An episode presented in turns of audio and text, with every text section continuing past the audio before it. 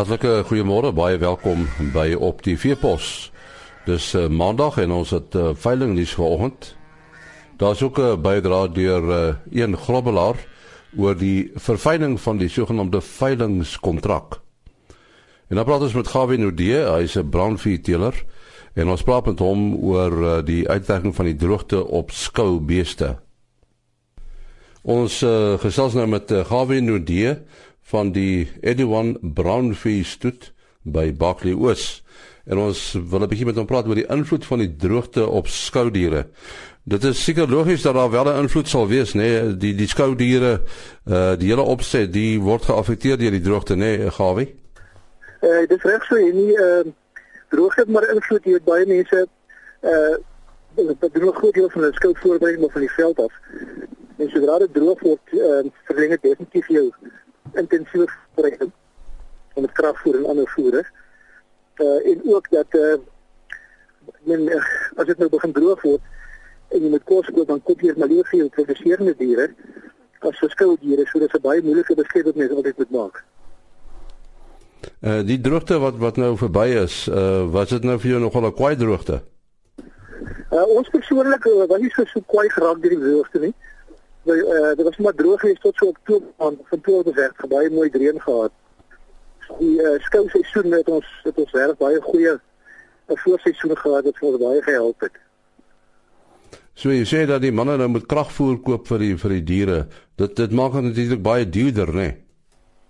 Uh dis reg so ja, wees uh ek nie of sommer vir 'n skou moet jy maar moet jy maar kragvoer koop. Kyk nou jou periode miskien in, in plaas van 2, 3 maande wat jy met met uh, intensief voer maak dit nou na 4, 5 maande periode toe. Ehm um, ek glo nie daaraan om 'n crash course te gee vir wie se wat beskuld of wat nie. En hulle moet maar oor 'n lang tydperk uh, gereed gemaak word en, en in 'n goeie kondisie gebring word geskil. Nou kon julle sien uh, aan aan die getal diere wat ingeskryf word vir skoue dat dit afgeneem het. Ek dink definitief die afgelope jaar twee het dit maar invloed gehad. Uh, ek neem aan droogte het invloed gehad, natuurlik ander onkoste ook maar droogte het 'n definitiewe impak gehad op die uh, getal diere wat skou toe gekom het. En, en wat is dan die impak op die skou self? Uh dis maar 'n sneeubal effek. Dit is uh dis is 'n hoender en 'n eie wat hier is eerste. As dan nie diere op 'n skou is nie, dan uh uh dan bring die mense nie hulle diere nie en dan kan jy skou nie aanbied wat jy moet aanbied. Jy sou volgende jaar as daai skou bietjie onderdruk ehm uh, en uh, dit dit maar 'n getaamlike invloed al. Nou gaan we dink jy dat stoetteelers genoeg blootstelling op skoue kry? Uh vir my persoonlik ja, dis maar een van jou vertoonvensters uh op 'n skou. Ehm uh, want waar anders sal jy jou diere uit. Uh jy weet boere daar is jy maar op jouself uitgelewer, maar dis maar slegs by skoue. Dis maar slegs by skoue wat jy regtig waar blootstelling kry met jou ander medeboere en medeteelers en ook met jou verskaffers. Uh so jy sê daar's nog plek vir skoue want daar's mense wat sê dat uh die tyd vir vir, vir al die klein skoue dat dat dit uitgeloop het.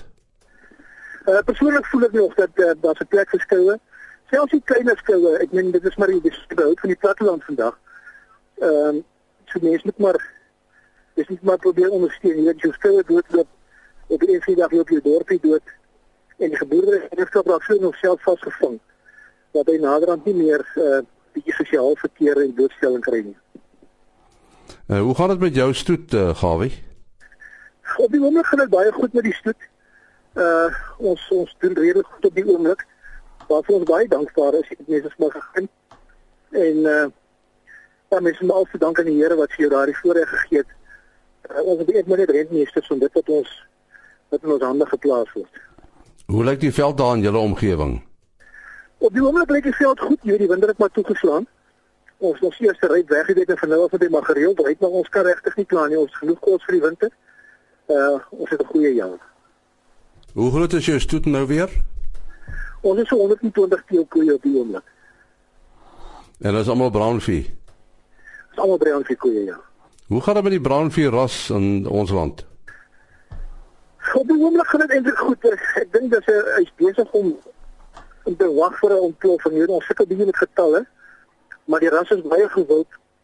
Ehm uh, en dit is weer so vir die die plek wat jy vir jouself maak op skoue uh is dat ons meer as teen ander rasse ook. Uh en dan op ons onlangse skou in Vryburg was nasionale kampioenskappe gewees.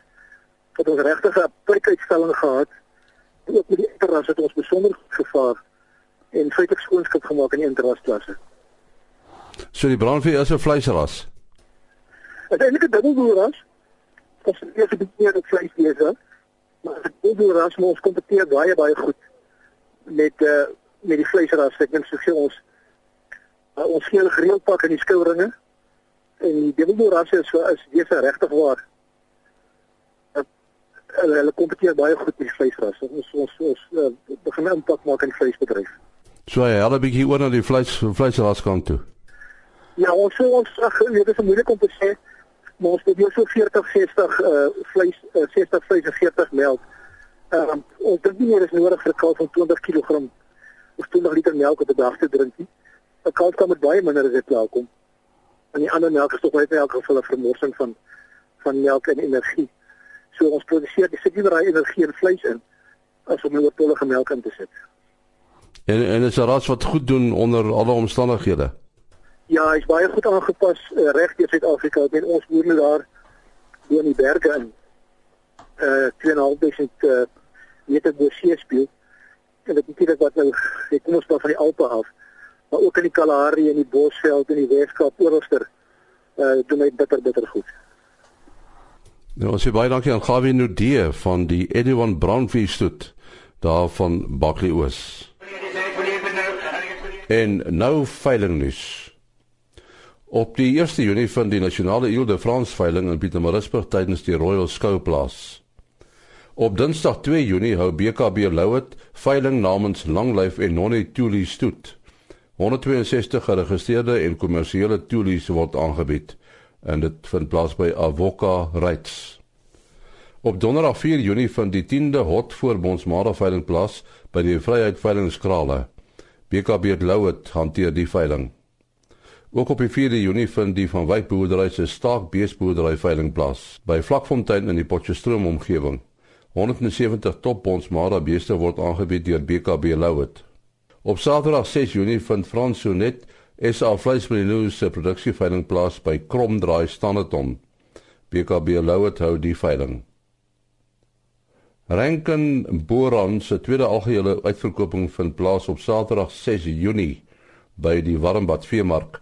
Vleis sentraal hanteer die veiling.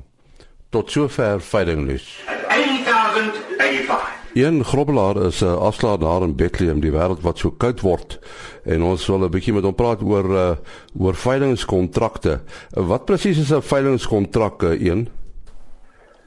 En môre baie dankie. Ja, 'n uh, uh, uh, veilingskontrak is maar net 'n ooreenkoms wat ons as 'n afslaershuis maar met ons um, verkoper sluit waarin ons 'n uh, paar van van die wetsaspekte rondom ons ons veilings en goeder dan maar net um, uh uh uiteensit en uh wat dan net so 'n bietjie van 'n sekuriteit bied en uh so rondom die vasmaak van 'n veiling. Uh hierdie veilingskontrakte, is dit 'n algemene praktyk uh, tussen die afslaer en dan die verkopers? Ja, dit is maar 'n algemene praktyk. Uh, ons ons doen dit met al ons veilings. Uh so veilingskontrak word dan gesluit tussen ons en dan die verkoper. Uh dit uh, dien maar basies as 'n mandaat uh mandaat vir ehm um, uh vir ons uh om om dan die veiling namens ons verkoper dan aan te bied. En uh die die die vraag is natuurlik nou uh die die kontrak, die kontrak wat nou uh, oor 'n klomp jare kom. Uh soos hy daar staan op 'n dokument. Uh die is natuurlik uh redelik uh, aan 'n verveilingsproses onderhewig, nê? Nee? Ja, nee, definitief, jy hoor, definitief as hy al heelwat verfyn en en en al so saamgestel dat dit dat dit uh vir albei partye baie maklik is om hom te verstaan en en en, en by te hou. Uh en, en hierdie kontrak hoe, hoe vroeg word hy opgestel? Wanneer wanneer word hy opgestel? Met die met die uh met die uh, met die tyd wat ons die die kliënt gaan sien of die verkoper gaan sien en ons het klaar ons onderhandelinge gepraat en en um uh die voorwaardes en en kommissies en al daai goeie klaar bespreek en en die boer gee ons dan die mandaat om aan te gaan met die veiling. Uh dan word die kontrak tussen ons en die en die verkoper dan aangegaan. Uh wat is soort inligting is in die kontrak? Watter soort inligting? Ag, jy sien, nie daar is maar verskeie ehm um, verskeie goedes, maar wat is ons uh, verantwoordelikheid uh, rondom die veiling ehm um, asook die verantwoordelikheid van die verkoper dan en en daarin word ook maar net saamgevat ehm um, die verkoper se plig om te lewer risiko en vryware en waarborge reservepryse en dis meer en dan oordrag van eiendomsreg, veilingsreëls, uh, advertensie en promosie uitgawes. Dit is dis maar 'n kort wat dan saamgevat is in in in hierdie kontrak en dan uh maak ons ook dan net vas wat die ehm um, advertensiekoste dan sal beloop van so 'n veiling en dan ook uh, die afslagshuise kommissie ten opsigte van die veiling wat verhaal sal word. Ja, as 'n mens praat van 'n beesveiling is dit nou een ding, beesenskaap. Maar wat veilings wat dikwels katalogus veilings is, uh, die dis 'n ander dier. Uh sou jy anders te werk gaan met die kontrak daar? Ja, ehm um, die die kontrakte by die bult um, is seker maar baie naby dieselfde. Ehm um, uh ek is nie heeltemal vertroud met dit en nie op op die stadium van presies uh met die wil wil uh, daar staan Johan Vosser ons meer 'n bietjie kan kan leiding gee rondom die kontrakte by die wild maar oor die algemeen is daar maar 'n standaard 'n redelike standaard kontrak met al al ons veilinge. Die inisiering van die kontrak kom dit van die veilinghuis af of van die verkoper? Uh nee, maar van die veilinghuis af en dan um, dit word maar word maar uh, deurgegaan saam met ons uh uh, uh met die um met die verkoper en dan word daar saam besluit um laat laat die kontrak dan aangegaan word. Baie dankie Ian Grobbelaar. Hy is daar van Bethlehem en uh ons het gepraat oor die verfyning van die uh veilingkontrak.